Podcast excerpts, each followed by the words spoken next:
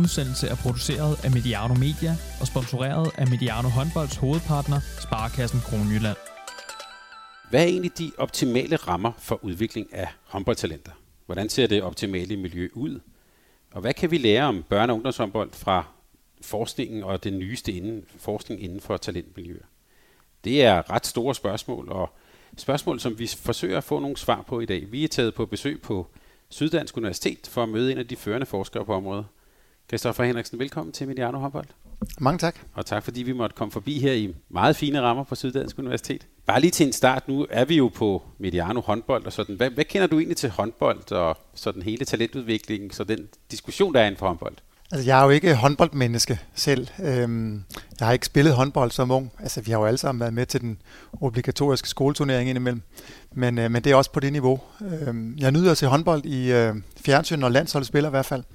Og så har jeg øh, folk, jeg betragter som gode kolleger, også inden for, øh, for håndboldverdenen, som jeg diskuterer talentudvikling og sportspsykologi og sådan nogle temaer med. Men du fortalte mig her, før vi gik i gang, at du dog bor i Svendborg, så det er jo sådan en, i hvert fald, en, i hvert fald et håndboldområde, du befinder dig i.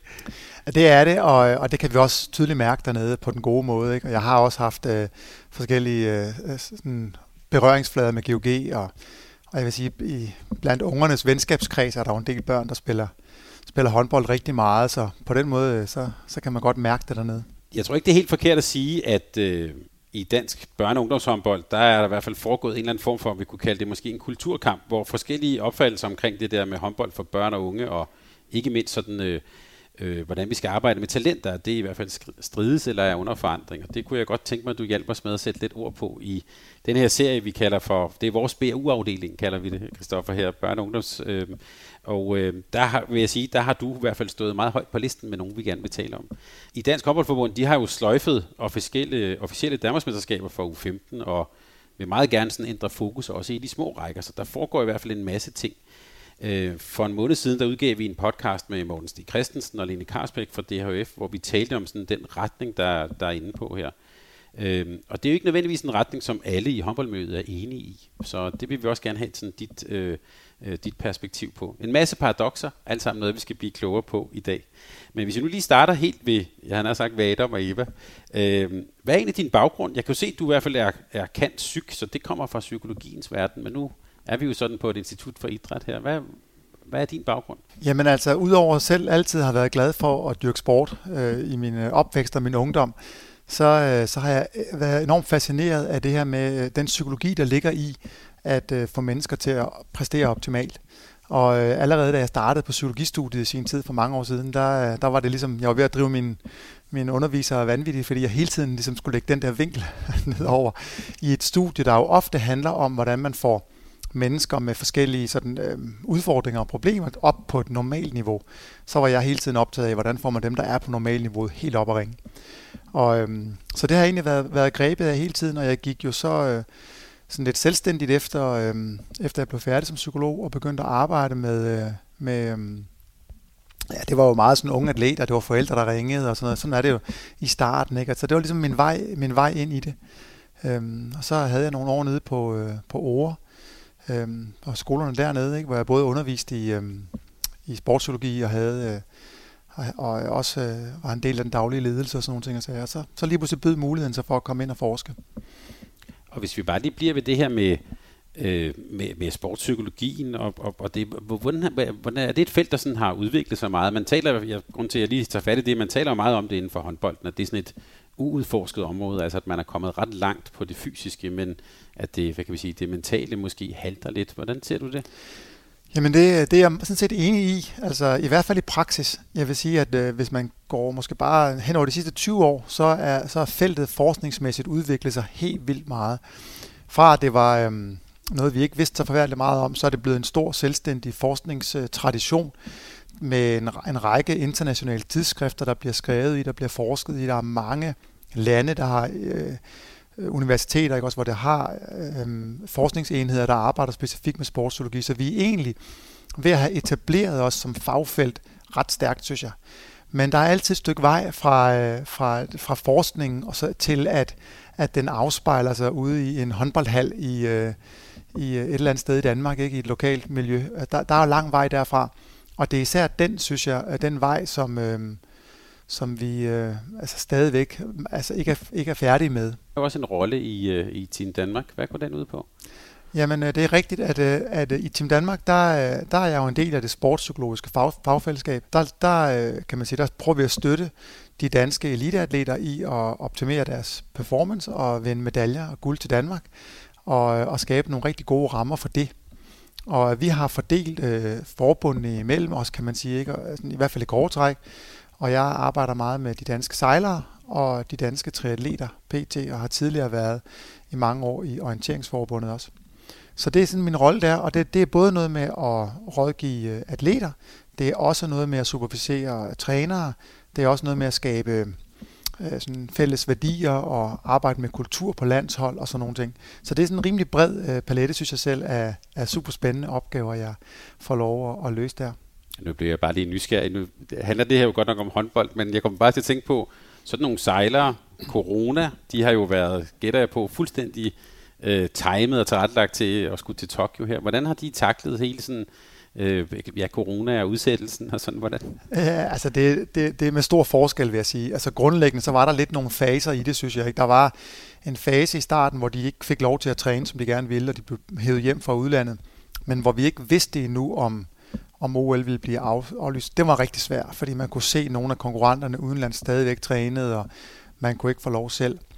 Og så på et tidspunkt får de så nyheden om, at øh, OL er udskudt, og øh, der er en del af dem, som oplever et, øh, et motivations- og meningstab der. Altså ligesom øh, straks abonnere på ideen om, at så må vi bare knokle og et år mere, og nu må den bare fuld gas, og nu kan vi virkelig, og sådan er det enormt svært at opretholde den der gejst og motivation, når man skal stå og lave øh, sådan hjemme armbøjninger foran, øh, foran, foran tv'et hjemme i stuen og sådan noget. Man måtte jo ingenting, vel? Så, øh, så vi rådgav dem til egentlig at prøve at tage en pause og slappe af, og og, og ligesom kun gøre det, de havde lyst til, og så ligesom til gengæld være klar til at komme stærkt igen, når man igen fik lov.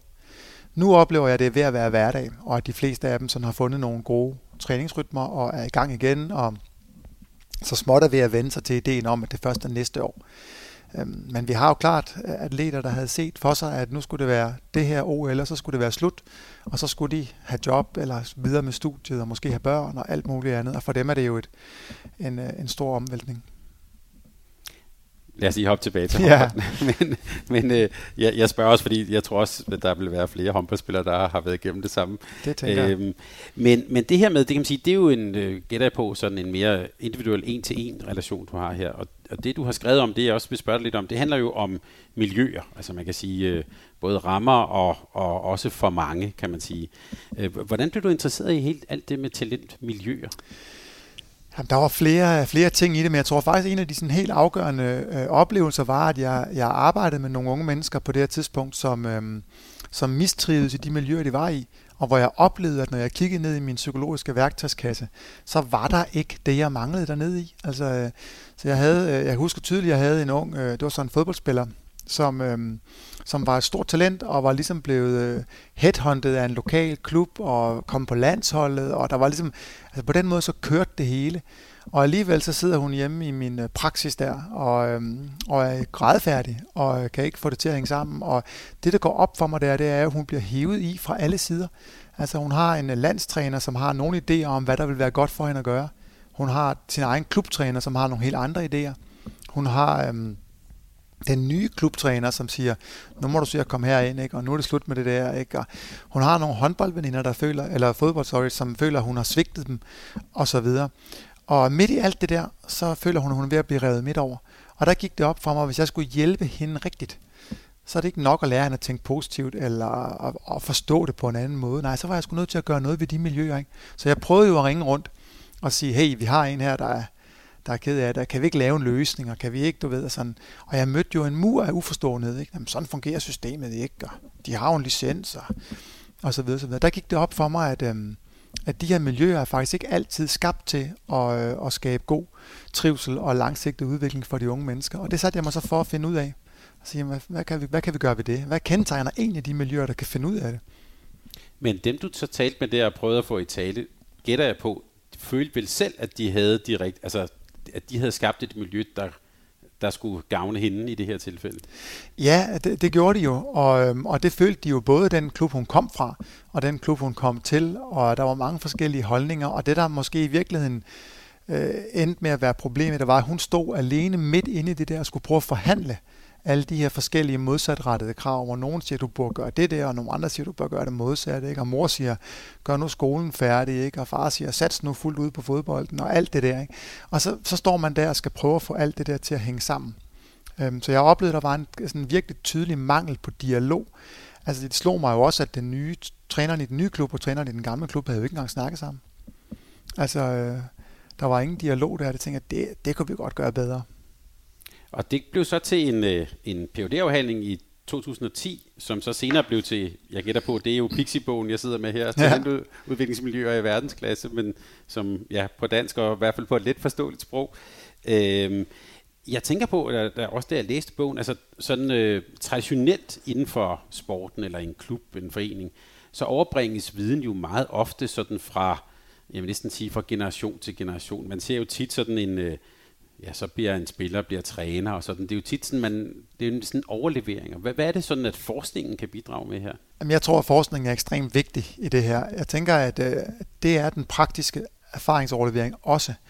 Men øh, vores erfaring er, og det har vi også forskning, der faktisk peger på, det er, at en stærk filosofi, altså det med virkelig at vide, hvad man står for, og hvad for nogle værdier man står på osv., øhm, og en, en filosofi, som er delt blandt de mennesker, som er en del af miljøet, er en enormt vigtig forudsætning for at kunne lave god talentudvikling.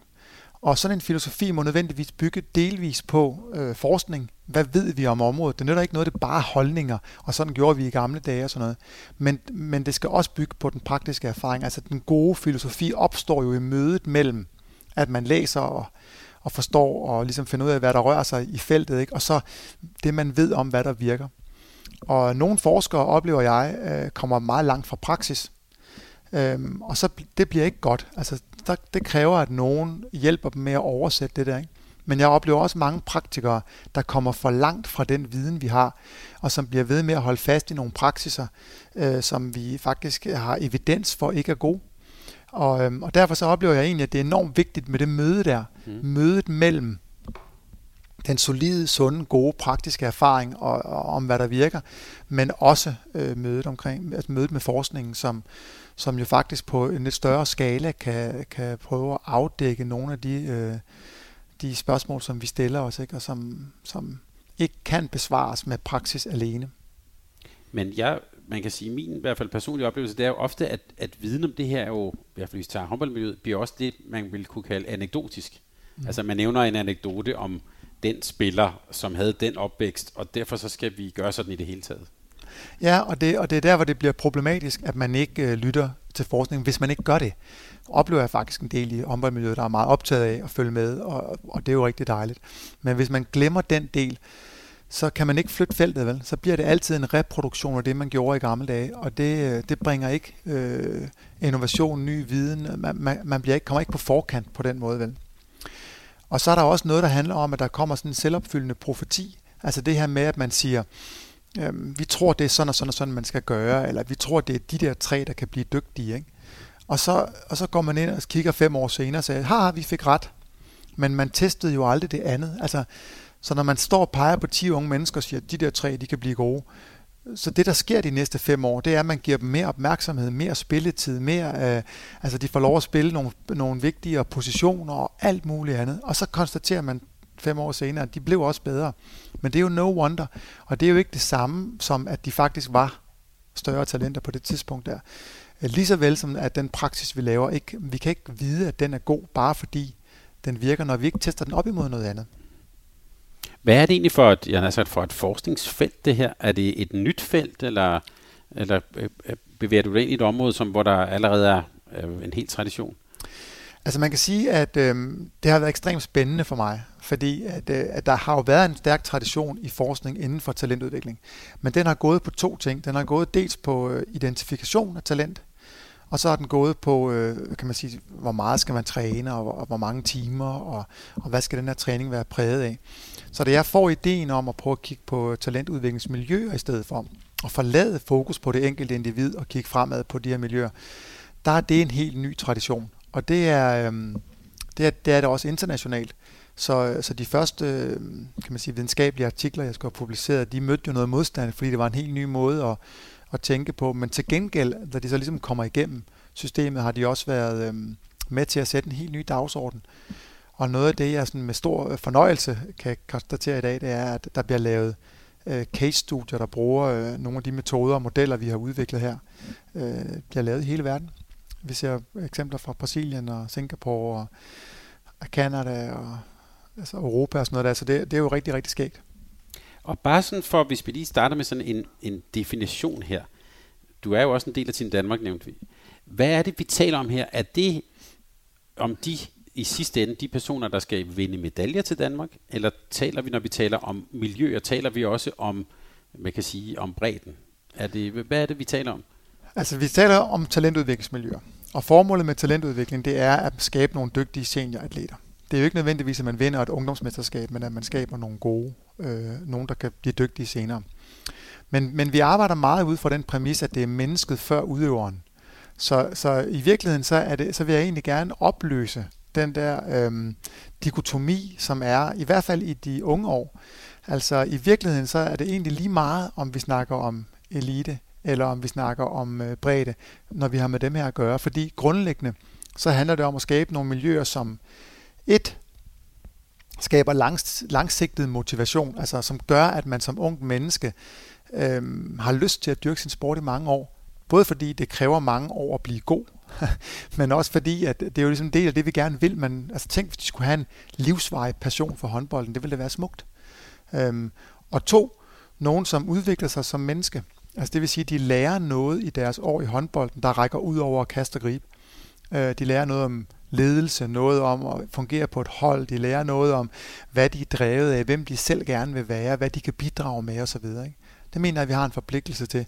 Og tre, øh, altså være medaljer, ikke? Altså at, at, øh, at dem, som har den ambition eller udvikler den undervejs, har et udviklingsmiljø, der er stærkt nok til, at de kan blive blandt verdens bedste.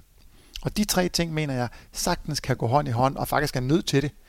Øhm, så, så, så vores holdning er egentlig, at hvis man fokuserer på at skabe nogle rigtig stærke, gode, dynamiske udviklingsmiljøer, så øh, skaber man både langsigtet motivation, menneskelig udvikling og, øh, og medaljer.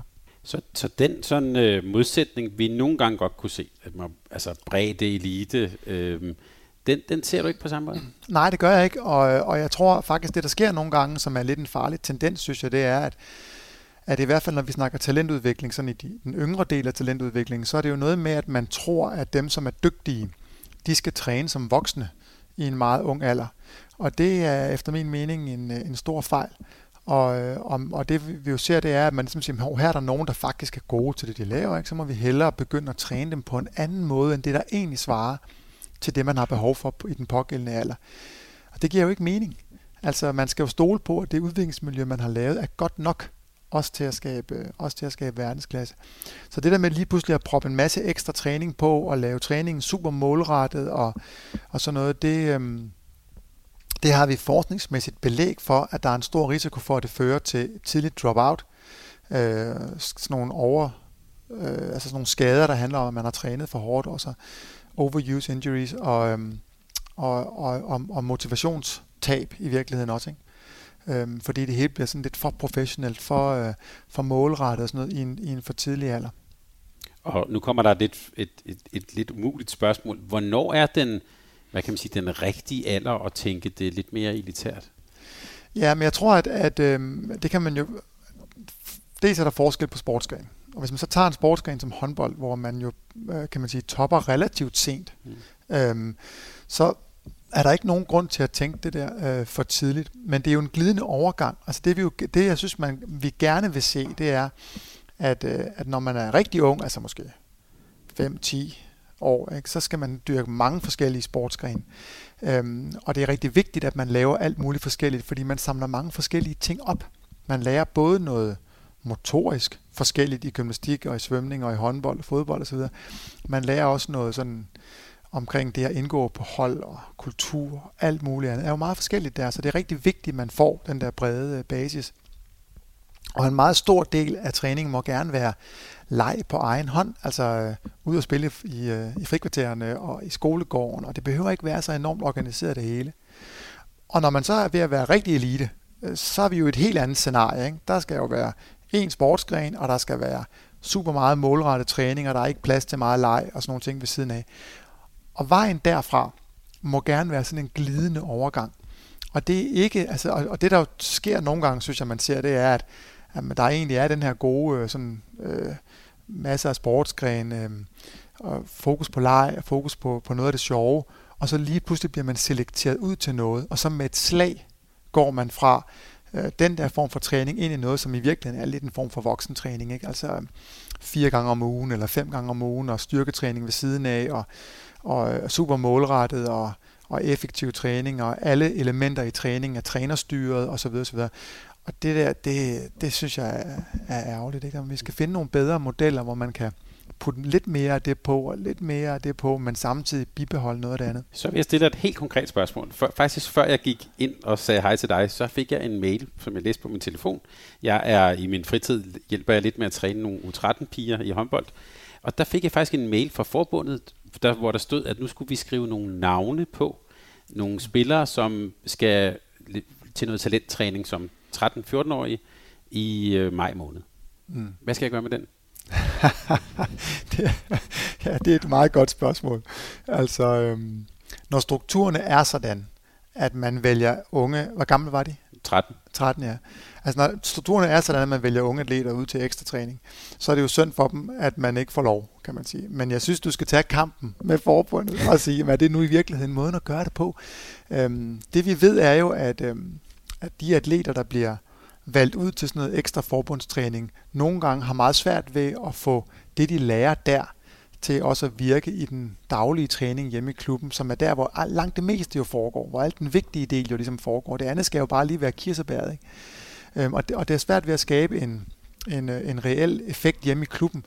Plus at det kan skabe noget misundelse, og at de unge mennesker begynder at kigge lidt meget mere på, sådan, hvem er det egentlig, der er gode, og hvorfor er det dem frem for mig, og hvad er det for noget, og og hvorfor kommer jeg ikke med? Er det fordi, de ikke ser mig som et talent og alt sådan noget? Ikke? Så det kan ødelægge meget mere, end det kan, det kan gavne. Jeg så faktisk hellere, hvis jeg skal være ærlig, at man inviterede trænerne ind i maj måned fra nogle forskellige klubber, og, og, og ligesom lavede noget, altså hvordan laver man rigtig god ungdomstræning, virkelig fik dem i spil, og så, øh, og så øh, sådan, at man var sikker på, at, at det, man, det gode arbejde, man laver med at udvikle det her, faktisk kom med rigtig mange 13-årige unge håndboldspillere til, til gavn.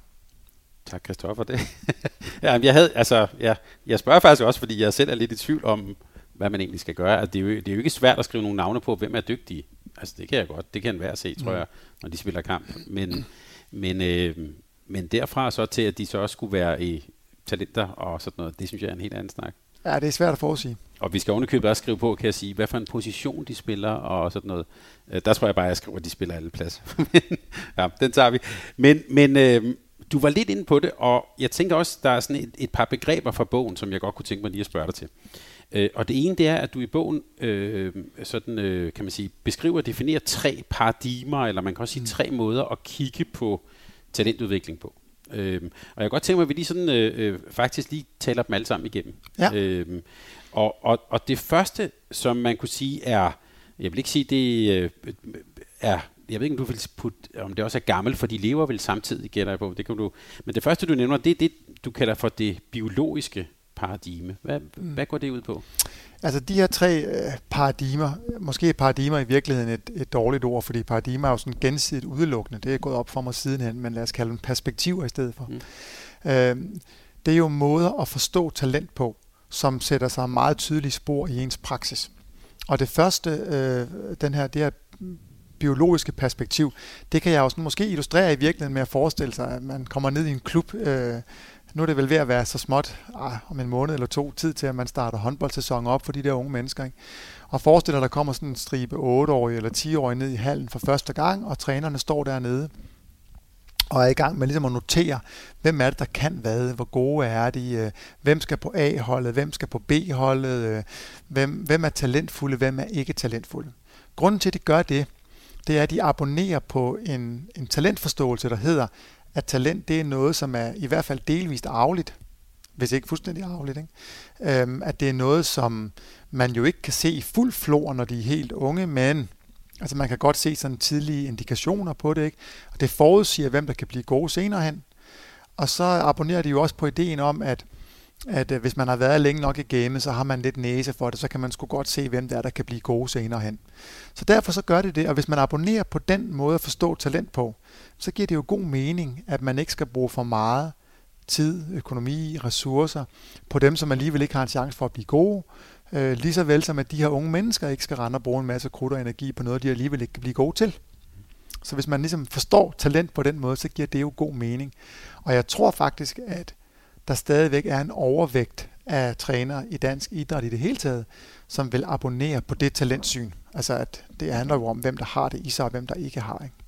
Er det ikke meget arrogant at tro, at man kan se på 10 år, hvem det bliver gode?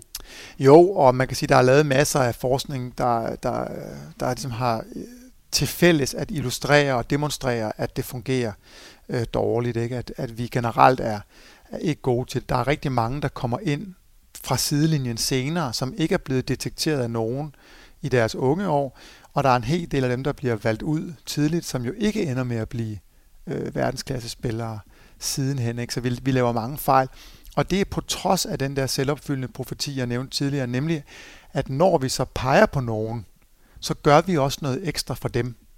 Og når de så alligevel ikke bliver de bedste, så er vi altså virkelig ramt ved siden af, hvis man skal være lidt fræk. Ikke?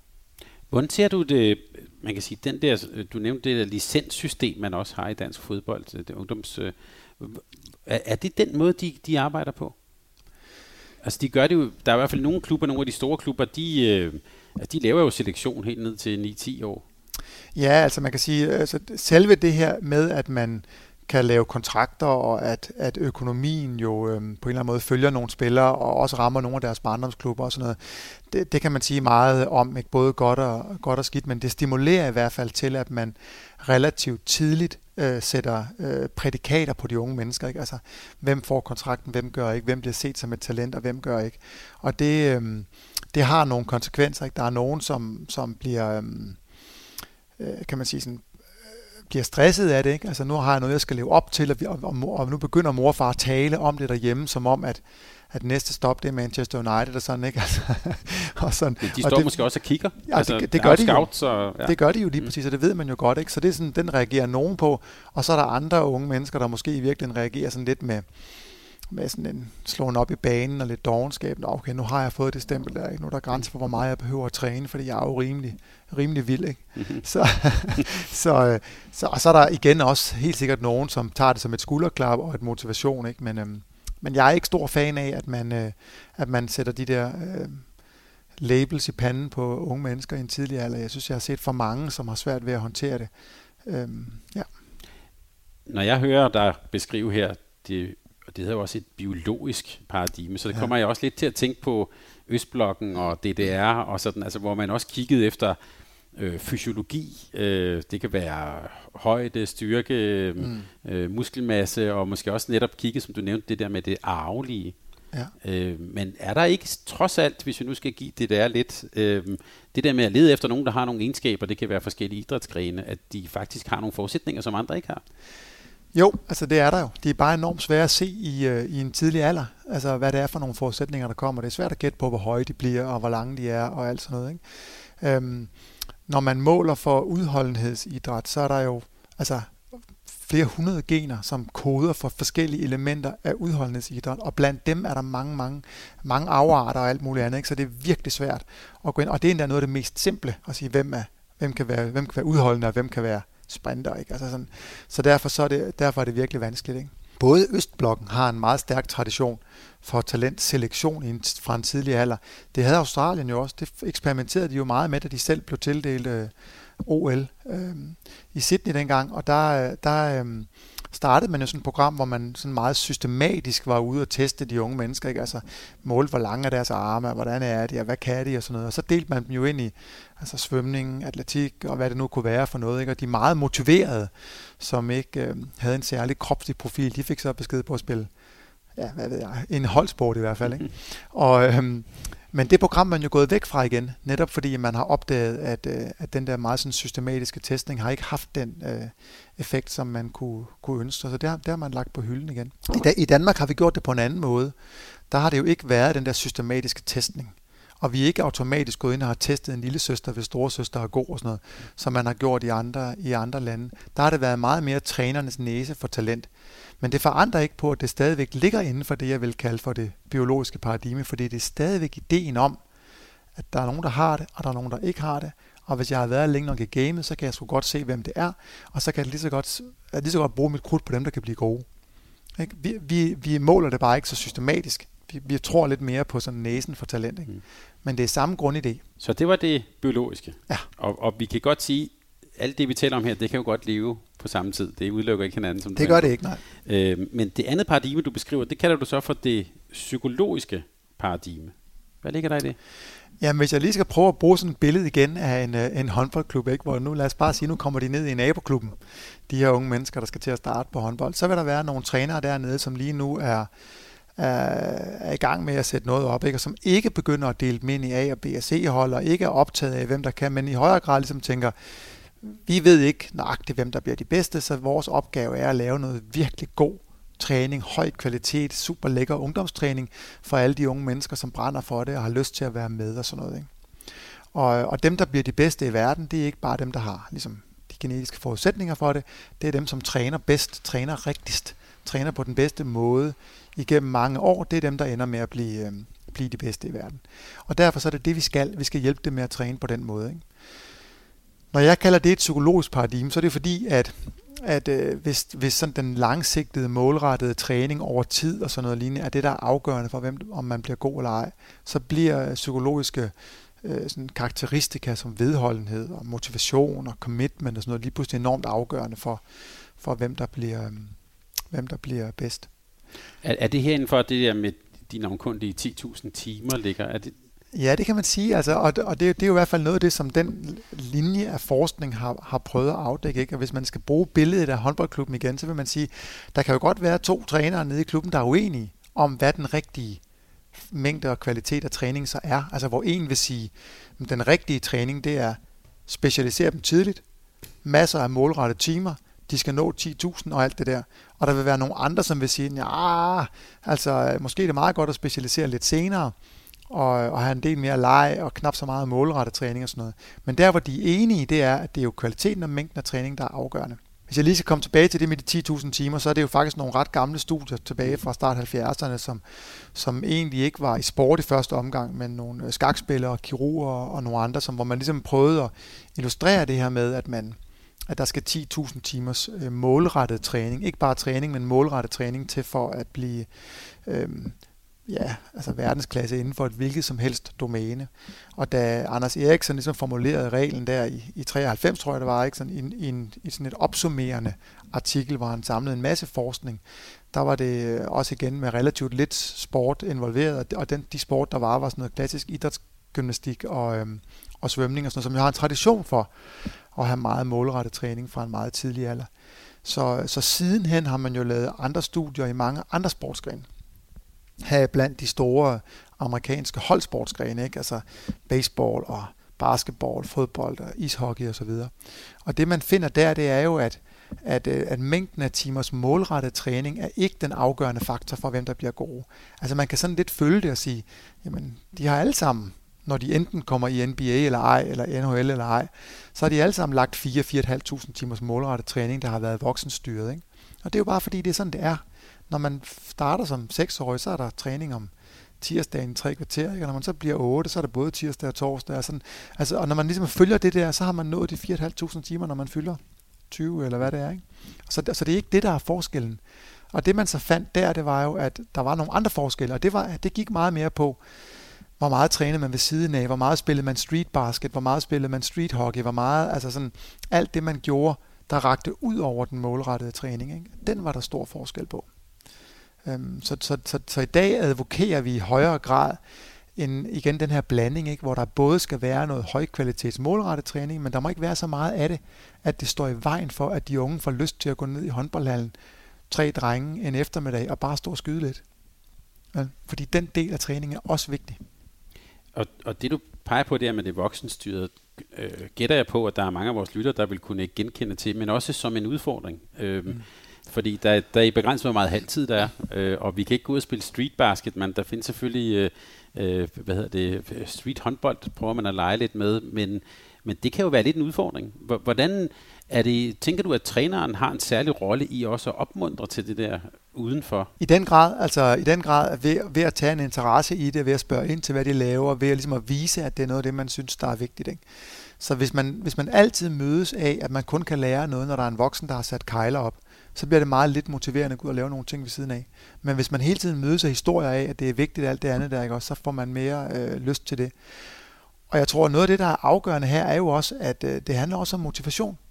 Altså, øh, der er, jeg oplever selv på eliteplan unge mennesker, som når jeg spørger, hvorfor er det egentlig, du dyrker din sport?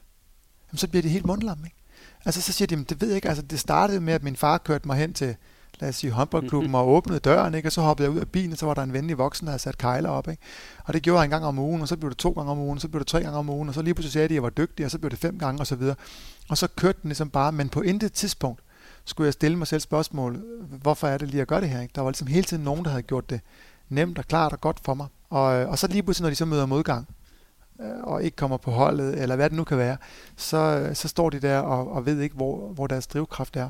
Så jeg tror, at det der grundlæggende med at være den, der ringer rundt til Peter og Susanne og Torbjørn og alle de andre, og siger, gider jeg mødes nede på banen og spille lidt for sjov, og kan vi gøre sådan og sådan. Og det med at gå op, uden at der er en voksen, der har sat kejler op, men at gå og stå og træne lidt og stå og øve nogle ting, det handler ikke kun om, at man træner noget mere. Det handler også om, at man, at man derved dyrker sin egen motivation, men er den, der selv skal tage initiativ, og man skal selv ligesom være den, der, øhm, der ligesom driver det, ikke også? Og der opdager man jo, om man, hvad, hvad det er, man godt kan lide ved det, og hvornår man synes, det er sjovt, og, og sådan nogle ting. Så det kunne være en opfordring, at man som voksen nogle gange bare træder væk øh, ja. og opfordrer til, til leg og, og leg med bolden. Ja, altså vi har et, et rigtig godt eksempel, jeg elsker nede fra Svendborg, er at vores lokale gymnastikforening har, øh, har kørt med sådan nogle åbne søndage, ikke? Altså, hvor at, øh, der ligesom er et par et par af de lidt unge gymnaster, som ved noget om, som er, render rundt derinde og agerer sådan sikkerhed. Ikke? Men ellers er der bare åbent i de der fantastiske springsale, vi har dernede. Så man kan komme ind som familie og lægge en 20'er eller sådan per person, ikke? og så går man ind, og så, og så kan man hoppe og springe og gøre ved og lege. Og det, der er ingen, der fortæller en, hvad man skal, og der er intet af det, der er styret. Det handler om, at man går og kigger på de andre, og dem, der er en lille smule bedre, og, og ligesom, du ved, prøver at efterligne det og lege med det. Ikke? Det tror jeg er en enorm vigtig del af læringen, også lige så vel som jeg tror, den målrettede træning også er vigtig. Og vi kan sige til lytterne, hvis I vil have eksempler på det, så lavede vi for en måneds tid siden en samtale med Lars Christiansen, den der har spillet flest landskampe for Danmark. Han fortalte rigtig meget om, hvordan han gik i en hal med sin fætter. Der var øh, fætterens far var halvinspektør, det hjælper altid lidt på det, men, men det er jo ofte derfra, der kommer noget, det ved man også fra en Andersen, hvis far også var halvinspektør. Det er jo det der med at gå rundt og lege, mm. uden for den organiserede leg. Nå, det var det. Nu har vi været igennem to paradigmer det biologiske, det psykologiske, og så har du øh, beskrevet det tredje, som du kalder det for det økologiske paradigme. Ja. Ja. Hvad er det for noget? Ja, det med økologi er måske et, øh, et svært tilgængeligt ord. Ikke? Altså det, det handler ikke om økologisk mælk. Mm. men, øh, men den økologiske psykologi undersøger hele tiden relationen mellem individ og omverden, altså mellem individ og miljø. Og, og siger grundlæggende, sådan forskningsmæssigt i hvert fald, at det mindste, vi kan undersøge meningsfuldt, det er et individ i kontekst. Altså det nytter ikke noget, at vi kigger på individer, som om der ikke var en kontekst. Så derfor så er det økologiske paradigme, det er jo ideen om, at det er hverken bare dem, der har generne, eller dem, der træner rigtigst, der bliver de bedste, men dem, som i det hele taget er et miljø, der støtter op omkring deres, øh, deres langsigtede udvikling. Så hvis jeg skal bruge analogi med den der lokale håndboldklub, så kan man sige, så er de gået ned i en, i en tredje håndboldklub nu, og dernede, der har trænerne Øh, de gør måske noget andet. Ikke? De har måske lavet sådan nogle små laminerede kort med nogle gode spørgsmål, som de giver forældrene, så forældrene kan stille nogle andre spørgsmål over middagsbordet end hvad de har tabt, de har hvor mange mål scorede du, ikke? Øhm, eller de, øh, de ringer måske ned på skolen og siger, hvornår er det nu, jeg har terminsprøver, fordi vi skal til at planlægge en, en træningslejr, vi vil ikke lægge den lige oveni, eller, Eller du ved, de sørger for, at der som klubtræner har man en løbende dialog med, med landstræner, hvis nu nogen af ens spillere er der. Ikke? Så man sikrer sig, at det, de får at vide det ene sted, også nogenlunde modsvar det, de får at vide det andet sted, og så videre, så videre. Så de prøver at tage et ansvar for hele miljøet, og ikke bare for, hvad der foregår mellem klokken 4 og halv 6, eller hvornår håndboldtræningen nu lige foregår. Så jeg hørte også sige, at det er rigtig meget med at tænke, og nu det kan være, jeg formuleret forkert, lidt det hele menneske. Ja, det er det jo, og det hele miljø. Ja, og, og hele miljøet også, som, som er der, det foregår. Men du bruger også i, i din bog bruger du også lidt tid på at, det, kan kalde for begrebet kultur. Altså, ja. øhm, og vi taler også jo om altså et miljø eller en kultur, man træder ind i. Hvad, hvilken rolle spiller kulturen? Altså jeg tror, at kulturen er enormt, øh, enormt afgørende, og det er nok noget af det, som vi har, et af de største potentialer, vi har i dansk øh, sport, det er at begynde at forstå det der noget mere. Øhm, og det er ikke sådan helt vildt simpelt, men, men grundlæggende kan man sige, så opstår kultur, i hvert fald det, man kunne kalde sådan en, en klubskultur, eller altså det, man øh, forskning vil kalde organisationskultur. Der er jo også en national kultur, og sådan noget. det lader vi lige ligge for et øjeblik. Men, men kulturen i sådan nogle mindre enheder, som i en klub, eller på et hold, eller i en forening, den opstår ofte ved, at man møder nogle udfordringer, og så gør man noget, og det, der ligesom virker, det ender med at blive, sådan gør vi her hos os. Og så bliver det ligesom den måde, vi gør tingene på. Og når man så kommer ind som nyt medlem, så fanger man ret hurtigt, at det er sådan, man gør det, så man bliver socialiseret ind i, øh, ind i, øh, i den kultur, der nu engang er. Og det jeg plejer at sige er, at, øh, at kultur kan både være mere eller mindre gode, eller velegnede til det, som de nu engang skal. Altså, det er en meget anderledes kultur at være eliteklub og være talentudviklingsklub. Eliten, de skal vinde hver øh, torsdag, eller hvornår det nu er. Ikke? Og talentudvikling skal dybest set skabe nogle gode spillere om fire år, eller om fem år, eller et eller andet andet. Ikke? Så det, det, det er meget forskelligt. Der er også meget stor forskel på, hvornår en kultur er velfungerende på en knappenålsfabrik, der skal levere 200 millioner enheder om dagen, ikke? og så i Google, øh, eller hvad ved jeg, som skal ud og opfinde et eller andet nyt socialt medie. Ikke? Så, så man skal finde ud af, men, altså, hvad er det for nogle kulturer, der egner sig der til det. Øhm, og så synes jeg også, at øh, det er vigtigt at forstå, at, at kulturens karakteristika, altså det, det, der kendetegner kulturen, det bliver jo også til atleternes karaktertræk. Så hvis man er i en kultur, hvor man deler viden, hvor man ser, at trænerne, hvis de er i tvivl om noget, så siger de, at jeg spørger lige, så går jeg lige over og spørger. Så begynder atleterne at gøre det samme. Hvis de er i tvivl om noget, så spørger de lige eller noget andet. Hvis man er i en klub, hvor at man holder korten ind til kroppen, og det er træneren, der ved det hele og sådan noget lignende, jamen så begynder man også at gøre det samme som atlet. Så, så, øh, så kulturen har stor påvirkning på, på de enkelte atleter. Det her skal jo så foregå, hvis vi tager håndboldbrillerne på, i en ramme af et øh, foreningsdanmark, hvor det mm. ofte er frivillige ledere, der, der har arbejdet ved siden af, og sådan... Øh, Hvordan pokker skal det kunne lade sig gøre? Jamen det er noget af det mest spændende overhovedet. Altså jeg tror da sagtens, at man kan motivere øh, de her frivillige ledere til at gå ind i en proces, der handler om at finde ud af, hvordan tænker vi egentlig håndbold? Hvad er vores grundlæggende filosofi omkring, hvad der skaber en god håndboldspiller? Hvad er den kultur? Hvad er det for nogle værdier, vi gerne vil have skal være bærende i vores træning? Og så begynder at hjælpe hinanden med at sige, jamen, hvordan skal det så se ud i praksis? Hvis vi har en værdi om det og det, hvad betyder det så for måden, vi indkalder til kamp, eller for måden vi sender vi sms'er før træning, eller gør vi ikke det, og så videre, så videre. Ikke? Og, øh, og det, det er da sindssygt spændende. Og det tror jeg faktisk godt, man kan få dem øh, i tale om. Men der, hvor jeg synes, det bliver spændende især, er jo, at, at man som forbund jo, for hele håndbold Danmark, har jo nogle visioner og nogle idéer, og sidder på noget viden om, hvad der er rigtigt, og hvad der er forkert, og hvad der er godt, og hvad der er dårligt, som man rigtig gerne vil have, have til at diffundere ned. Så den der kultur man laver ude i den lokale klub, må ikke skabes i et vakuum. Den må meget gerne skabes i samarbejde med, med, med forbundet. Ikke? Øhm, og, og, og, og, og ligesom ikke styret derfra, men, men inspireret derfra. Også fordi vi jo ser mange atleter, som skifter, det gør næsten alle jo, undervejs i karrieren fra en klub til en anden og til en tredje. Og sådan. Så hvis man mødes af helt forskellige kulturer, så bliver der meget tilpasning der, man skal i gang med. Ikke?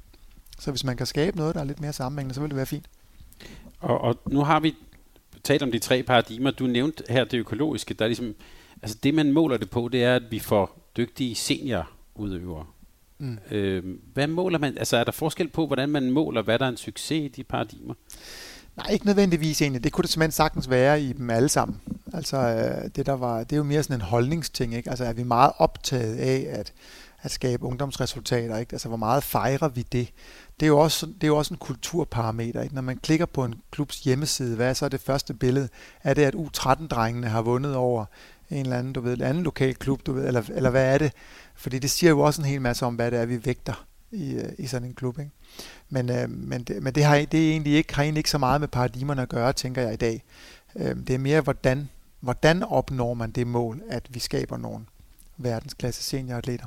Men er det vigtigt i en klub så, og nu nævner du, at, hvad man signalerer ud til, men er det også vigtigt, at man er meget skarp på, hvad det er, vi, øh, hvad der er, der er vores formål? Altså, at vi er vi et sted, der er elite? Er vi et sted, der vil udvikle øh, seniorspillere? Er vi et sted for, for bredden? Skal man være meget tydelig, sådan, jeg tænker også sådan rent øh, verbalt omkring det? Måske ikke lige omkring, om man nu vil være øh, talent eller elite eller sådan, fordi der, der tror jeg som sagt, at, øh, at hvis man skaber nogle virkelig gode miljøer, så kan man sagtens opnå begge dele. Men man skal være meget tydelig omkring, hvordan man gerne vil gøre det. Hvad er det, vi ønsker at have for en, en, øh, en klubkultur hos os? Og jeg ser mange eksempler, hvor man ikke lykkes med det, ikke? Altså hvor man siger, vi vil gerne være sådan en klub, der vægter venskaber, og alligevel starter man med den første dag at dele vennerne, du ved, op i A- og B-hold, og så to uger senere, så viser det sig, at A-holdstræneren kan bedre starte en halv time før B-holdstræneren, og så, så har man også lige rykket træningstiden lidt, og så ser de hverken hinanden før og efter træning og sådan noget. Altså, og jeg tænker, okay, det harmonerer dårligt med, eller eller sådan en helt klassiker, ikke? at hvis førsteholdstræneren ikke kan komme med til kamp, så flytter man andenholdstræneren op, og så må en forælder tage, tage den kamp, eller sådan noget, hvor jeg tænker, det er jo virkelig et, dårligt signal. Ikke? Altså, øh, og det er sådan nogle små, øhm, små handlinger, man gør, som falder ind naturligt, fordi det skal lige løses og sådan noget lignende. Men hvis man virkelig har et klart billede af, hvad er vores grundlæggende filosofi, hvad er det for nogle kerneværdier, vi hviler vores øh, praksis på, Hvordan vil vi gerne, hvad, vi, hvad ønsker vi, at man siger om den måde, vi driver talentudvikling på osv. Hvis man har de der værdier meget, øh, meget sådan klare, meget tydelige, taler om dem, taler om at oversætte dem til handlinger hele tiden, så er der mindre sandsynligt, at man falder i, øh, i alle de der små fælder. Så, så et, et budskab her kunne være at være egentlig meget tydelig øh, og også udfordre hinanden på, at det nu herinde for den ramme, vi har aftalt. Ja, og også, øh, også altså en gang imellem simpelthen stoppe op og sige, hvad er det, vi gerne vil? Altså ikke bare, hvem har sat kejlerne ind i skuret, du ved, og hvem der er nogen, der ikke har. Men at have nogle møder, som har lidt mere indhold end det, ikke? hvor man faktisk prøver at tegne og sige, hvad er det for en klub, vi gerne vil være? Hvad er det for nogle værdier, vi gerne vil, vil bygge klubben på? Hvad er det svære ved det her? Hvad for en type modstand støder man ofte på? Jamen, der, der er jo mange slags. Altså dels så, så støder man på den modstand, det ved jeg jo, altså i mange forbund, at der sidder nogle professionelle i øh, forbundet, som læser meget om det og ved meget om det og, øh, og har, en, har som deres job at udvikle de her ting. Og så har man en hel masse øh, klubber og trænere derude, som, som du selv siger, har et andet arbejde og har mange andre ting, og måske i virkeligheden øh, gør det, fordi de, deres børn er der, eller et eller andet andet, sådan, og, og ikke kan afsætte den samme mængde energi og tid til det. Så det er enormt svært at rulle noget ud, altså få det helt ud i øh, praksis. Det er jo den ene form for modstand. Det er jo ikke modvilje, oplever jeg ikke. Det er egentlig mere bare det, det fylder ikke lige så meget for dem. Øhm, der kan også nogle gange være modvilje. Altså der kan sagtens være, være klubber og formænd rundt omkring, som synes, at det skal vi ikke, eller vi har nogle andre holdninger til det. Men jeg tror faktisk, at en af de vigtigste former for, for modstand, man oplever i det, er jo bare, at, at, at hverdagen ligesom tager sin gang. Og så er der bare nogle ting, der giver god mening, og man kan godt for eksempel sige, at vi tror på, at unge, de skal ikke træne mere end så og så mange timers målrettet træning om ugen, og de skal også have plads til noget ferie og sådan noget. Men så er der bare lige to, som er helt vildt dygtige. Og så kommer man lige til at glemme det et øjeblik og tænke, øj, hvis nu vi lavede noget helt særligt for dem og sådan noget. Og så røg principperne lige pludselig ikke. Og ikke ond vilje, men bare fordi, at åh jamen, og tør vi nu, og tror vi nu også på det? Og hvad nu, hvis det ikke er rigtigt? Og så går man tilbage til at tænke, så gør vi sgu ligesom, som landsholdet gør, eller men de er jo voksne. Jeg sidder og smiler, fordi det tror jeg godt, man kan genkende til. Ja. hvordan, hvordan tænker du øh, øh, i hele det her, hvordan tænker du forældrenes rolle egentlig? Øh, altså jeg gætter på, at der er nogle af de børn- og der lytter med her, der jo også oplever nogle forældre, der er ambitiøse og som smiler noget mere, når der er en guldmedalje om halsen på, øh, på lille Camilla, end hvis de har tabt. Altså grundlæggende synes jeg jo, at forældrene spiller en super central og vigtig og god rolle i dansk talentudvikling. Jeg er altså helt overbevist om, at uden dem, så nåede vi ikke nær så meget, som vi gør. Øhm, når det er sagt, så har jeg også set jo, når det går galt, ikke? når det kommer til at fylde for meget, når det bliver øh, forældrenes ambitioner mere end de unge menneskers egne ambitioner, der driver processen osv. Ikke? Øh, så, så kan man jo sagtens ende i nogle mønstre. Øh, alle de forældre, jeg har mødt, øh, som jeg har snakket med osv., de har et, oplever jeg, et helt ægte ønske om at gøre det, der er bedst for deres børn. Øh, men det er bare ikke altid, de ved, hvad det er. Og nogle gange så tror man, at det ligesom er at støtte dem i en kamp mod de andre på holdet. Fordi der kun er få pladser, eller hvad ved jeg ikke. Og det er det jo ikke. Altså, det er jo at støtte op omkring holdet og læring. Og, og det er jo slet ikke lige ham, man konkurrerer med. Det er jo i virkeligheden hele Danmark på den store scene og sådan noget. Ikke? Så jeg synes, noget af det, der fungerer godt, når jeg ser det, det er jo, at man aktivt er i dialog med forældrene om, hvordan de kan hjælpe. Man kan støtte dem og sige, I må gerne komme med til kamp.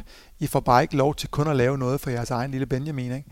Men øh, I, så kan I tage kamp, så kan I tage kage med til alle, eller du kan få en rolle med at være den, der fylder vandet op, eller du kan, altså man ligesom giver dem nogle roller over for, for hele holdet, så man også gør det nemt for dem at, at, at gøre noget for fællesskabet, og ikke kun for deres egen lille, lille øhm, knægt eller pige. Hvis vi nu køber ind på alt det, du har fortalt her indtil videre, ja. øhm, og, og, og, og, og det er ovenikøbet også bakket op af forskning, og, så det er på alle mulige måder, hvad kan man sige, rationelt. Men det kan jo være et lidt svært budskab at så sælge ned til en, øh, ja, en, en U11-pige, eller mor, som er meget ambitiøs, og så sige, jamen ved du hvad, vi tænker faktisk på det hele, vi tænker udvikling, vi tænker, øh, hvad der skal ske om 10 år, og, og alt sådan noget. Det, det kan være, og, og i øvrigt, hvor ved du det fra? Jamen det har, øh, det har Christoffer Henriksen sagt. Det kan være lidt svært budskab måske at komme ud med. Ja, og det, det kan jeg sagtens forstå. Øh, jeg kan sagtens forstå, at man bliver i tvivl om, hvordan man bedst støtter øh, sine børn. Ikke? Øhm, børn har jo brug for både at lære, at når man har sagt A, så skal man også sige B. Og når man, altså, nu håndbold foregår jo indendørs, ikke? men stadigvæk den dag, det regner, skal man også cykle ned i hallen, og så videre, så videre. Så man er nødt til nogle gange at få det der skub hjemmefra. Men man har også brug for at, øh, at lære, at selv når det ikke går godt, og selv når man ikke lige lykkes, og når man taber kampene, og tingene ikke spiller, så står der nogle forældre derhjemme, der elsker en alligevel, og, og sådan noget, og for hvem man er meget mere end bare en atlet. Man er jo lille Sofie, eller lille Ole, eller et eller andet andet, og, og slet ikke bare en håndboldspiller. Ikke? Så mor og far er meget mere optaget af, hvordan du trives som menneske, end, end hvad, hvor mange mål du scorer. Ikke? Og den balance der, den er sgu vanskelig. Jeg har selv øh, børn, ikke? også nogen, der er optaget af idræt og sådan noget. Jeg synes også, det er bøvlet, det der. Ikke? Det kan jeg sagtens forstå. Da vi talte med, med, med, med forbundet her for en måned tid siden, Morten Stig Christensen blandt andet, og udviklingschef Lene Karsbæk, at der var de lidt inde på, at det kan være lidt svært at formidle sådan øh, din bog ud, bredt ud. Så, så det, de prøver på rent formidlingsmæssigt, det er jo ligesom at sige, øh, Mikkel Hansen, kan du ikke lige fortælle lidt om din opvækst? Mm. Eller, altså, de får, man får sat, man kan måske sige nogle anekdoter, nogle ansigter, nogle historier på. Mm. Er det den rigtige måde at formidle noget, som måske i virkeligheden handler om en kulturel forandring? Det tror jeg faktisk sagtens, det kan være. Jeg tror, at det her med at have nogle tydelige rollemodeller er, er rigtig vigtigt for, øh, for en sport, ikke? og ligesom at vise, at der er andre veje. Jeg tror bare, det er rigtig vigtigt, at man som forbund øh, jo vælger de der rollemodeller med omhu. Fordi i enhver sport, så er der nogen, der har nået verdenseliten på sådan en cocktail af overinvolverede forældre og tidlig specialisering og ekstrem målrettet træning og på tværs af syv knæskader. Ikke? Og så er der også nogen, der har nået det, fordi far var halvinspektør, og fordi man har gået og leget med en bold et helt liv, og, og bare elsker sin sport, og du ved, det har været leg og leg og leg, og pludselig fik man, blev man nødt til at styrketræne, fordi man vejede for let, og så begyndte det at blive proft, men meget sent. Ikke? Så, det, så det handler ikke bare om, at nogen fortæller deres historie. Man er nødt til at være sådan rimelig øh, selektiv i forhold til at sige, jamen, hvad, hvad tror vi egentlig på er den rigtige model for dansk håndbold? Så hvem er det så, vi inviterer til at fortælle de historier der? Vi har været lidt inde på trænerrollen, men jeg ved også, at du i andre sammenhæng har skrevet lidt om træneren som en kulturel leder. Altså en, som skal i virkeligheden lede noget forandring eller lede noget kultur. Øhm, det lyder som en vanskelig opgave. Øh, og en, og en enormt spændende opgave. Ikke? Altså, og jeg tror, det der med, at hvis man første gang forstår, at når man tilrettelægger en træning, så gør man ikke bare det. Altså man tilrettelægger ikke bare en træning. Man er i gang med at skabe en kultur på holdet i alt, hvad man gør. Det, er jo, det bliver jo en kæmpe øjenåbner. Ikke? Altså, og det er jo de små bitte ting. Det er jo sådan noget med at sige, hvis jeg gerne vil skabe selvstændige atleter, unge mennesker, som faktisk formår at tage ansvar og sådan nogle ting for deres egen udvikling, en lille smule i hvert fald. Hvad betyder det så for min praksis? Jamen, så nytter det jo ikke noget, jeg sender en sms igen igen hver tirsdag, jeg skal huske lige træninger i dag klokken 4. Ikke? Fordi så gør jeg jo det modsatte. så tager jeg jo ligesom initiativet og selvstændigheden og sådan noget fra dem. Så det er i alle de der små bitte øh, overvejelser, man gør sig. Når jeg sætter holdet, hvem er det, jeg tager med? Er det dem, der er bedst lige nu? Eller er det dem, der arbejder mest målrettet i træning? Eller er det dem, som støtter og hjælper de andre på holdet? Eller hvem er det her? Fordi det siger noget om, hvad der er vigtigt for mig. Og dermed også er jeg med til at skabe en kultur. Når jeg nu møder dem efter weekenden, hvad er det første, jeg spørger til? Altså, var du til en fed fest eller sådan noget lignende? Altså, interesserer jeg mig for, hvad der ligger udenfor, eller spørger jeg kun til håndbold? Og hvis jeg spørger til håndbold, hvad spørger jeg så til? Spørger jeg til øhm, kun noget, som er foregået i sådan en, en målrettet setting, eller er, interesserer jeg mig også for, om de har leget ved siden af? Ikke? Altså, tænk sådan en træner, der lige er kommet kørende forbi og har set dem stå nede på græsplænen og spille noget andet, og siger, hey, hvem var du dernede med? Og, og hvad var det for noget? Og ligesom vise, at hey, det synes jeg faktisk er fedt som træner, så er det meget mere motiverende at gøre det igen bagefter. Så det er i alle de der små, bitte, bitte, bitte øh, handlinger, man gør hele tiden, der skal man forstå, at man ikke bare er i gang med at planlægge et eller andet, som nu skal fungere, men man er i gang med at skabe øh, kultur. Så hvis man i dansk håndbold for eksempel i de små rækker, der kan man ikke mere gå ind og se, hvad, hvad kampen er blevet, og man har sløjfet ungdomsmesterskaber op til U17 osv. Ja. Hvad tænker du om det? Det synes jeg er rigtig, rigtig, rigtig fint. Jeg synes, det er så fint, at nogen går foran og prøver at vise, at man kan få ungdomshåndbold til at handle om noget andet end det der med de der samlede øh, øh, regnskaber, kan man sige. Ikke? Altså, jeg er ikke et sekund i tvivl om, at når unge mennesker render på banen i en håndboldkamp, så, så er de optaget af at vinde og tabe. Og det skal de også være. Det er jo spillets natur. Mm. Det vil være dybt mærkeligt andet. Så mens man løber der og spiller, så vil man helt vildt gerne banke de andre. Og man skal gøre alt, hvad man kan for det. Ikke? Og det synes jeg er fair nok. Men det der med at tælle point hen over en sæson og lægge sammen, og tre og en, og, og en for uafgjort og sådan noget lignende, det er en voksen interesse. Det er ikke børnenes interesse, det der. Så det der med at kåre nogen hen over en lang liga, det er noget, der bør komme meget, meget, meget senere. Og det der med, om andre skal vide, hvordan kampen endte. Altså for, for børn er det jo tit sådan, vi spiller, vi er dybt optaget af, hvem der vinder og taber. Fem minutter senere, Altså, så er vi i gang med den næste kamp, og så er vi optaget af den, men den første, altså, resultatet af den første var ikke længere vigtigt. Det kan vi jo lære dem, at det er, men vi kan dele med også lade være. Ved vi, at børnene tænker sådan? Øhm, nej, altså øh, jo, det gør vi. Altså vi ved, at, øh, at børn er meget mere i... Øh, altså det er lidt afhængigt af, hvilken aldersgruppe vi også snakker om. Ikke?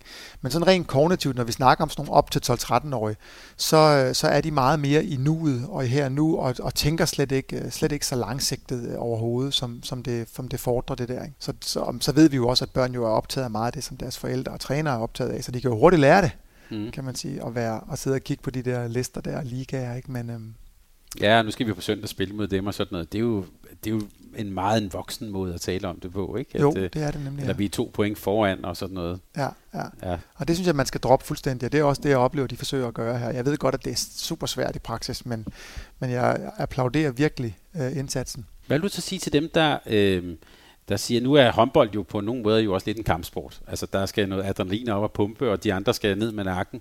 Så er der nogen, der vil sige, jamen øh, når vi så møder nogen fra Balkan, som bare slås fra, fra fædrelandet, så kommer de dan- så er vi lidt for pæne her i Danmark. Øhm, mm. Fordi nu har vi vokset op i, at det benytter, at det, vi tæller ikke point og alt sådan noget. Hvad, hvad, hvad tænker du om det? Jamen, jeg tror, at det der med, at vi ikke tæller point på den lange bane, det, det har ikke noget at gøre med, om vi kæmper for at vinde den enkelte kamp. Det tror jeg altså stadigvæk, at man gør. Altså hele vejen op igennem, så er man dybt optaget af det, og det skal man også være. Så det oplever jeg ikke er, jeg synes, at, at vi har en anden kultur omkring, om vi overholder reglerne og sådan noget lignende. Det synes jeg, vi skal lade dommerne om at styre, og så synes jeg, vi skal håbe, at, øh, at de kan se, at det ligesom er, at altså, der er nogle grænser der, at vi skal spille til dem, men ikke, øh, ikke nødvendigvis over. Vel? Øhm, men i øvrigt synes jeg, at det der med at møde nogen fra Balkan, det er jo noget, der foregår, når man bliver, når man bliver voksen. Ikke? Så, så der, der ændrer, altså når man bliver eliteatlet og voksen ligaspiller og sådan noget, så ændrer spillereglerne sig selvfølgelig en lille smule. Og det er lidt det, jeg mener med, at den kultur, der virker på et ligahold, og den kultur, der virker i et talentudviklingsmiljø, er ikke nødvendigvis identisk. Nej, vi kunne jo også sige, at at selvom vi har vores danske foreningsmiljø, så lykkes det også at slå hold for Balkan, kan man sige. Det gør vi da i høj grad jo. I din bog har du også, der nævner du sådan øh, øh, lidt, lidt et distillat, hvor du siger, at der er sådan 10 træk ved talentmiljøer. Vi, vi, det fører nok for langt at, at løbe dem alle sammen igennem, men hvis du hvis der er nogle af de træk, hvor du tænker det i retning af håndbolden, hvad, hvad kunne være nogle gode råd, hvad, hvis man gerne vil opbygge sådan nogle miljøer? Ja. Hvad, hvad? Altså hvis jeg skal inddele dem sådan i to, mm. så vil jeg sige, at nogle af de her træk, de handler om struktur. Altså hvordan er ligesom miljøet struktureret. Og det handler om dels, at man jo ikke øh, skaber sådan nogle små bitte elitære enheder med få spillere og sådan noget, men at man prøver på at holde en vis mængde atleter, som, som har et fedt miljø, hvor de unge gider at komme, og når der stopper to eller tre eller fire, for det gør der jo hen ad vejen, øh, uden at der er noget i vejen med det nødvendigvis, at så føler man ikke, at man lige pludselig er alene og sådan. Ikke? Så der er noget, der handler om det. Der er noget, der handler om det her med, at man snakker sammen. Altså, at træneren har en dialog med andre trænere og så videre, så videre, så man ikke hvis jeg skal gå tilbage til det der eksempel med en pige fra starten, ikke, som følte, hun stod i midten af miljøet og var ved at blive hævet midt over af modsatrettede krav, at man lige koordinerer nogle af de der krav og holdninger og sådan noget der rundt omkring atleterne. Så det er sådan strukturdelen af det. Det tror jeg, man kan lære øh, frygtelig meget af. Jeg synes, at vi som øh, ude i håndboldklubberne skal være meget bedre til at have en god dialog om, hvornår en atlet har brug for at komme videre til en større klub, og hvornår de ikke har. Det skal ikke blive en kamp mellem klubberne. Det skal blive, hvad der er bedst for, for Søren eller Hans, ikke? og sådan noget. Og, øhm, og er meget bedre til igen at have den der løbende dialog med, med skolen om, hvordan får man planlagt sådan en sæson på en måde, så, så de ikke føler, at de går fuldstændig glip af alt det, der sker i skolen, og der skal jo ikke ligge træningslejre samtidig med en, med en studietur og så videre. Altså man skal ligesom prøve at få de der ting til at gå op, så man ikke hele tiden som ung menneske føler, at man er nødt til at træffe en hel masse dybt uoverskuelige beslutninger. Ikke? Øhm, det tror jeg, vi kan blive meget, øhm, meget bedre til.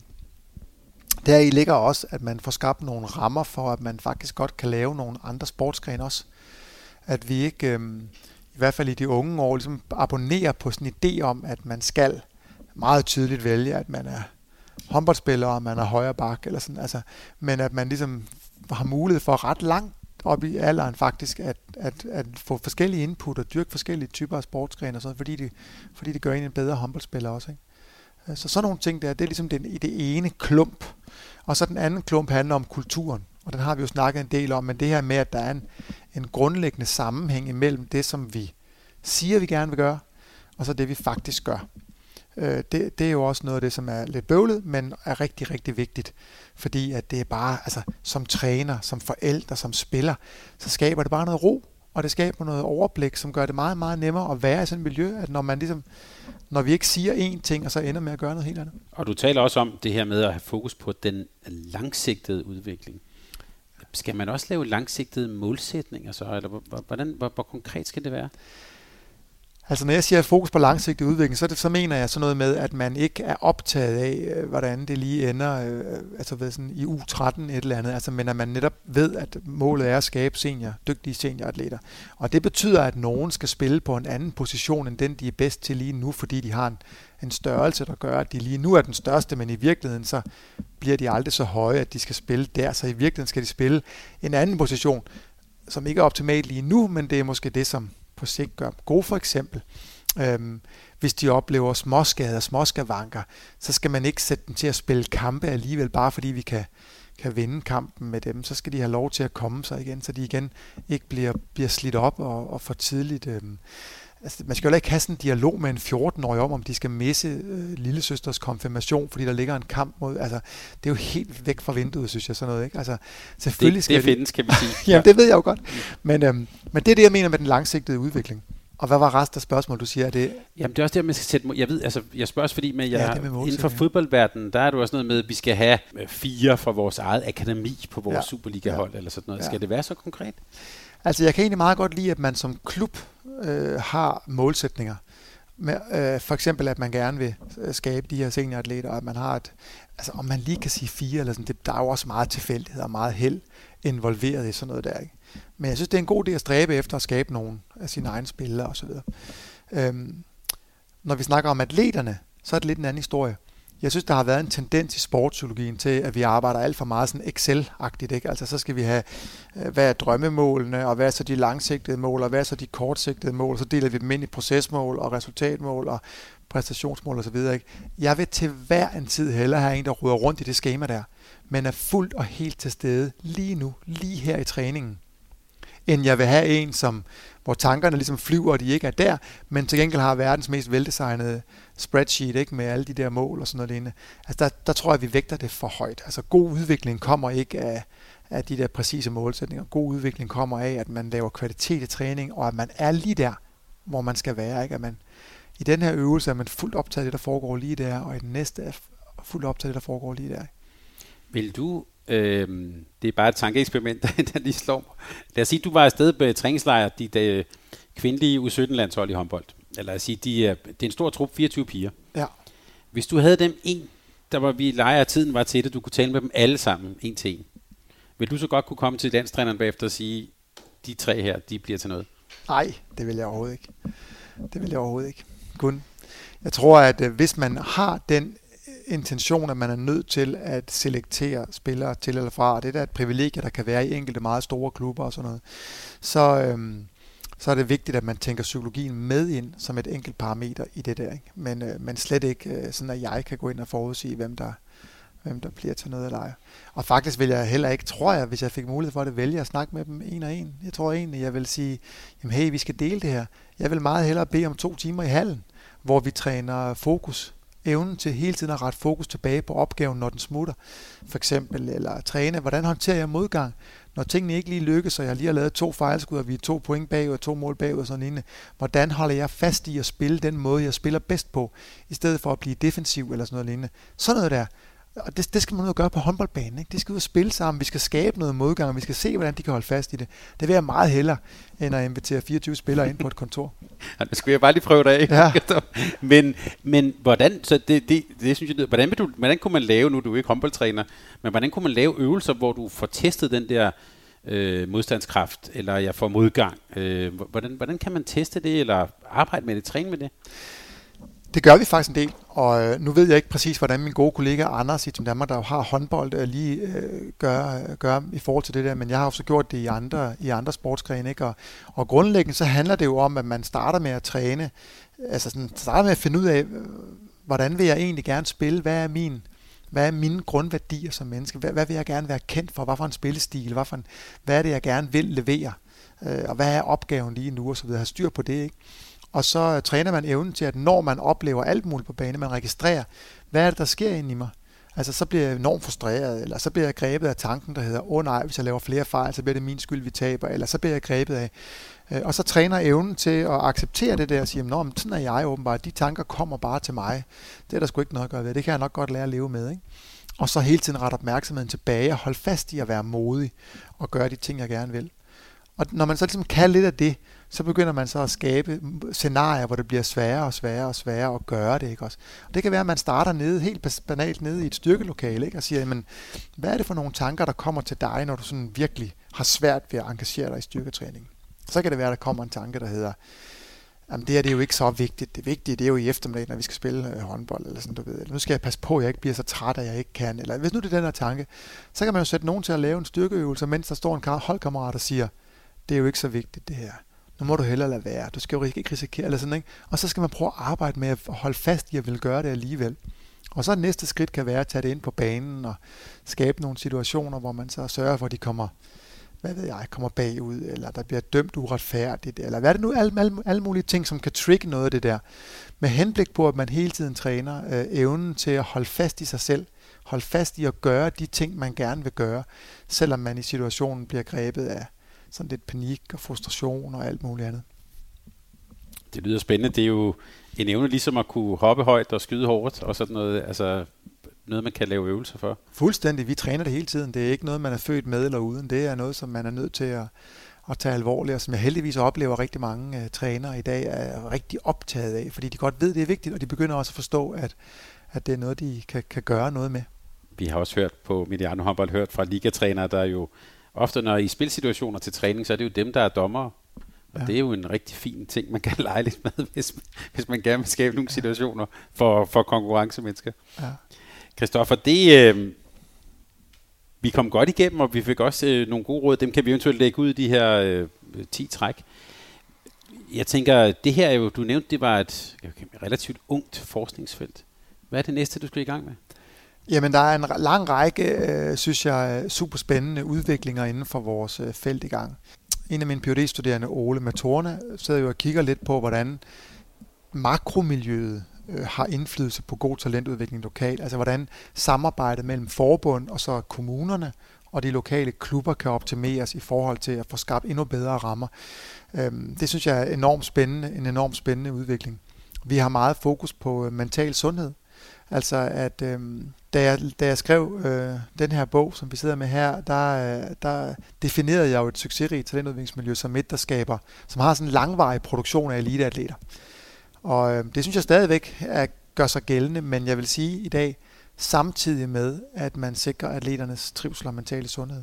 Og det, øh, fordi øh, heldigvis viste det sig jo, at mange af de her miljøer, jeg var ude og undersøge og kigge på, og som var gode miljøer og valgt ud, fordi de leverede eliteatleter, at de gjorde det på en måde, som faktisk skabte øh, motivation, ro, trivsel, glæde og alt muligt andet. Men det var jo ikke givet. Jeg kunne lige så godt have fundet nogle miljøer, som gjorde det ved at være benhårde og trykket igennem. De findes jo også derude. Og, øhm, men det er ikke det, vi skal stræbe efter. Så jeg synes faktisk, at vi, vi skylder danske elitetrænere at være meget mere tydelige på, hvad deres rolle er i forhold til at sikre atleternes mentale sundhed. Jeg oplever jo elitetrænere i dag, der går rundt og egentlig har en kontrakt, så at sige, øhm, som handler om, at de er ansat til, at de skal vinde så også mange kampe, eller de skal skabe så også mange eliteatleter, eller hvad det nu kan være for noget. Ikke? Men der ligger hele tiden sådan en underliggende idé også, der handler om, at der må ikke komme de der skandaler, ikke? det må ikke være på bekostning af det, dens mentale sundhed. Så hvornår er det godt nok? Hvornår har jeg egentlig gjort nok for at sikre det? Øhm, det, det slås de med.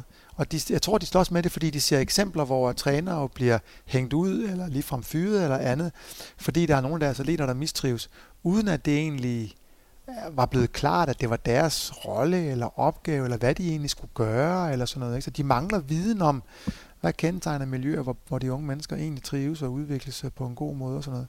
Det synes jeg, vi er forpligtet til som forskningsinstitutioner at prøve at hjælpe dem med at finde ud af. Og så det vil jeg rigtig gerne. Og ud, og ud af den tangent, så kan jeg altså ikke lade være du, her på falderæbet. Lige at spørge, der har jo også i, i dansk håndbold, måske særligt på kvindesiden, været lidt den her øh, debat om, at det er svært at være et ung talent, der skal performe i skolen, på håndboldbanen øh, over for forældre måske, men også hele, og det der, hvor jeg tænkte, det der makro, altså også hele leve op til rollen som ung kvinde på Instagram og hvad der nu kan være. Mm. Øh, hvad, hvad tænker du i den diskussion? Vi har haft en, en, øh, en landsholdsspiller, der faktisk er holdt op i en alder af 22 år, og, og som hun selv nævnte nogle af de her ting, altså presset og, og, og det der med, at det blev, at det, jeg tror, det blev for meget, tror jeg, man kan sige på en simpel måde. Ja.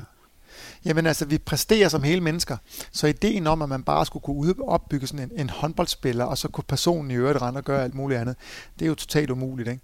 Så, så vi præsterer som hele mennesker, og derfor skal vi også på en eller anden måde forholde os til helheden, når vi arbejder med, med de unge mennesker. Og jeg synes, det er noget af det, som er allermest spændende lige præcis det der. Hvordan, øh, hvordan sikrer vi, at, øh, og jeg oplever i gamle dage, så, altså, så vi har jo altid tænkt, sporten har en forpligtelse, der rækker ud over medaljer. Vi, vi skal ville noget mere med de unge mennesker, end bare at vinde nogle kampe. Færdig arbejde. Ikke? Det tænker jeg, det kan vi næsten ikke blive enige om. Øhm, så skal vi i hvert fald opslås. men, men, øhm, men hvad er det så, vi vil? Ikke? Jeg tror, hvis man går 5-10 år tilbage, så sagde vi, at i sporten, der lærer de målrettighed, de lærer dedikation, de lærer op og fra sådan nogle ting. Ikke? I dag tænker jeg, det er de alt for dygtige til. Altså, de, de, de er dedikerede og målrettede i alt, hvad de gør. Ikke? I mm. skolen, som du selv siger, på alle områder og sådan noget lignende, og de evaluerer sig selv enormt hårdt. De er meget perfektionistiske. Og det skal vi forstå i sporten. Vi skal forstå, at vores nye berettigelse skal simpelthen være en anden. De har ikke brug for at lære dedikation og målrettighed hos os. De har brug for at lære selvaccept, self-compassion. De har brug for at lære at fungere i en gruppe på en måde, hvor man støtter hinanden, og hvor man accepterer, at man har dage, der går godt, og dage, der går mindre godt, og at man kan, kan støtte sig selv og hinanden i det. Øhm, og tænk, hvis vi kunne være, hvis sporten kunne være det sted, der, der, der fandt ud af, hvordan unge mennesker på en og samme tid kan opnå deres ambitioner om at opnå alt det, de gerne vil med det, det ene liv, de nu engang har givet, og så samtidig også gøre det på en måde, hvor at de trives med det og har fokus på det, er det, de elsker, og, og også kan lære at leve med, at der er jo også de sure dage, ikke? der er jo også de der dage, hvor tingene ikke spiller, hvor man bare ikke kan, og hvor man er bange for at blive skadet igen, og alt muligt mærkeligt. Tænk, hvis vi kunne få skabt i sporten øh, et, altså, øh, modellen for, hvordan vi kan lave sunde præstationsmiljøer. Øj, mand, det, det er altså min, øh, det er min drøm for, for, for de næste år i mit arbejdsliv. Kristoffer, med de ord. Det kunne ikke være en bedre afslutning. tak fordi du ville være med på Mediano håndbold. Det, det var, var en fornøjelse. Det var spændende. Tak, og så kan det være, at vi vender frygteligt tilbage, når I øh, ja, om ikke så lang tid med og taler videre om for eksempel det, vi taler om her til sidst. Tak fordi du ville være med. Selv tak. Tak fordi du lyttede til en podcast af Mediano håndbold. Hvis du kunne lide udsendelsen, så husk at abonnere på Mediano Håndbold, der hvor du hører podcasts. Så får du den seneste udsendelse serveret direkte til dig. Du må gerne fortælle dine venner om os, og husk at følge os på Facebook, Twitter og Instagram. Milliarden Håndbold kan lade sig gøre, takket være Sparkassen Kronjylland. Vi har gået hånd i hånd siden foråret 2018, og de er med os hele 2020.